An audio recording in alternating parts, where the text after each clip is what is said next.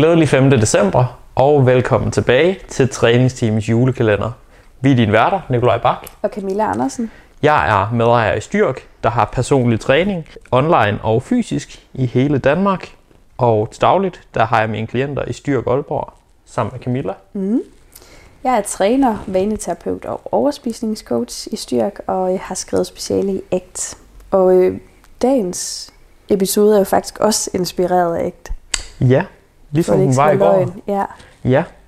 Hvad, øh, hvad går det ud på? Hvad er dagens redskab? Jamen i dag skal vi øh, tale om at ride på bølgen, som vi plejer at kalde det. Øh, noget med at blive i de her følelser, der kan være svære.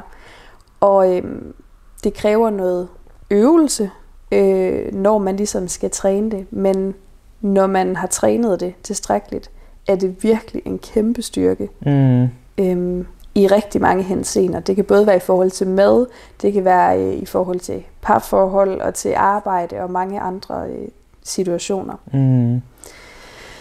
Det man sådan ligesom skal prøve at forestille sig, det er, øhm, at når en følelse, eller en craving for den sags skyld, øh, som, som man jo også kan øh, døje lidt med, øh, når, når en følelse eller en craving eller noget af den dur øh, starter, så skal man ligesom forestille sig som en bølge, at den topper på et eller andet tidspunkt. Der kommer et tidspunkt, hvor, at, hvor, den, hvor den ligesom topper. Mm. Og så begynder den lige så stille at bruges af mm. igen. Den knækker, og så Den knækker den lige ud. præcis. Øhm, og, øh, og det, der jo så er fidusen i det, det er, at man skal, skal øve sig i at være i den her følelse. Vide, den topper på et tidspunkt, den knækker på et tidspunkt, og vil stille og roligt bruges af igen.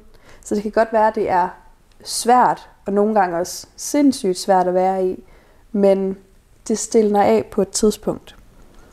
Det er ikke et redskab, man altid skal bruge, når man har cravings eller noget i den dur. Det er et redskab, man kan bruge i mange situationer, og der vil være andre situationer, hvor, at det, hvor det vil være mere hensigtsmæssigt at handle på en anden mm. måde. Øhm, så det er ikke sådan, at, at hver gang man føler en craving, så skal man bare sidde og vente til den går over.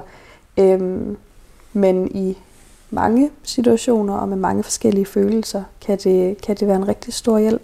Ja, og så er der også bare noget godt i bevidstheden fra den her øvelse, om ja. ligesom at vide, at øh, følelser eller bekymringstanker eller kropslige oplevelser, der er svære lige nu, mm-hmm. bliver ikke ved med at være så svære, som de føles lige i øjeblikket. Altså at, at de stiller af på en yes. eller anden måde. Yes. Øh, det samme med sådan, jeg snakkede med en klient om det i går, det her med, hun havde haft en oplevelse om, hun havde været super, super sulten. Yeah. Øh, og så mens hun havde stået og lavet mad, så havde hun lige snakket sig lidt på vejen undervejs. Yeah. Og der, så hun sat sig til bords så var den der kraftige sultfornemmelse, og den der sådan, åh, jeg skal bare have noget at spise, hvor man ja. sådan næsten kan sådan blive sådan helt panisk. Ja. Øhm, den, den følelse var ligesom forsvundet igen. Ja.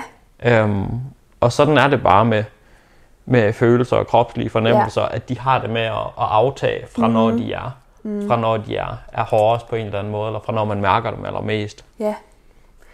Det kan også bruges øh, til noget helt andet. Altså sådan noget som, hvis jeg, hvis jeg sidder og skal forberede noget, øh, nogle tekster eller et eller andet foredrag, hvad det kunne være, øh, så kan jeg godt, og det tror jeg mange kan, øh, få skriveblokade. Altså sådan, hvor at man, man instinktivt har lyst til at rejse sig fra computeren og begynde at lave noget andet. Og arbejder man så derhjemme, ikke, så er der mange ting, man kan give sig til.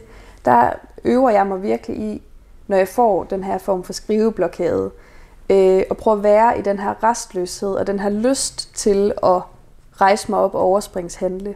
Fordi jeg ved, at øh, sådan, den her skriveblokade, den var ikke for evigt. Restløsheden var ikke for evigt.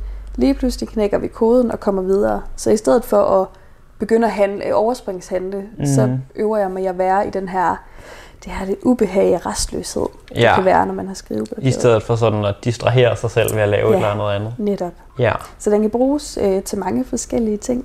Øhm, men det er en super styrke, når man kan være i følelse. Ja, mega godt redskab. Ja. Og jeg synes, det der sådan øh, billede af en bølge, der ligesom bliver højere og højere, mm. og så knækker og flader ud igen.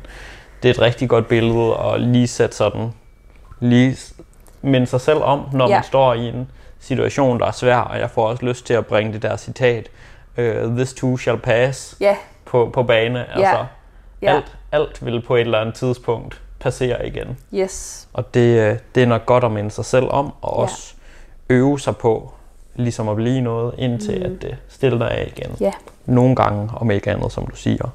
yes. Mm. Lige præcis. Det var dagens kalenderlov. Det var det. Hvis man vil have flere tips til at, øh, at arbejde med sin proces, udover dem, der kommer her hver dag i december, så husk, at I kan skrive jer op til Styrks 6 måneders kost- og vaneforløb, som vi kører ud på mail. Det koster ikke en krone, via linket i beskrivelsen. Vil du trykke på kameraet, for jeg vil simpelthen Ja, ikke rejse mig med den her lille kat, der sidder ovenpå mig. Ja, Tak for i dag, og øh, vi ses i morgen.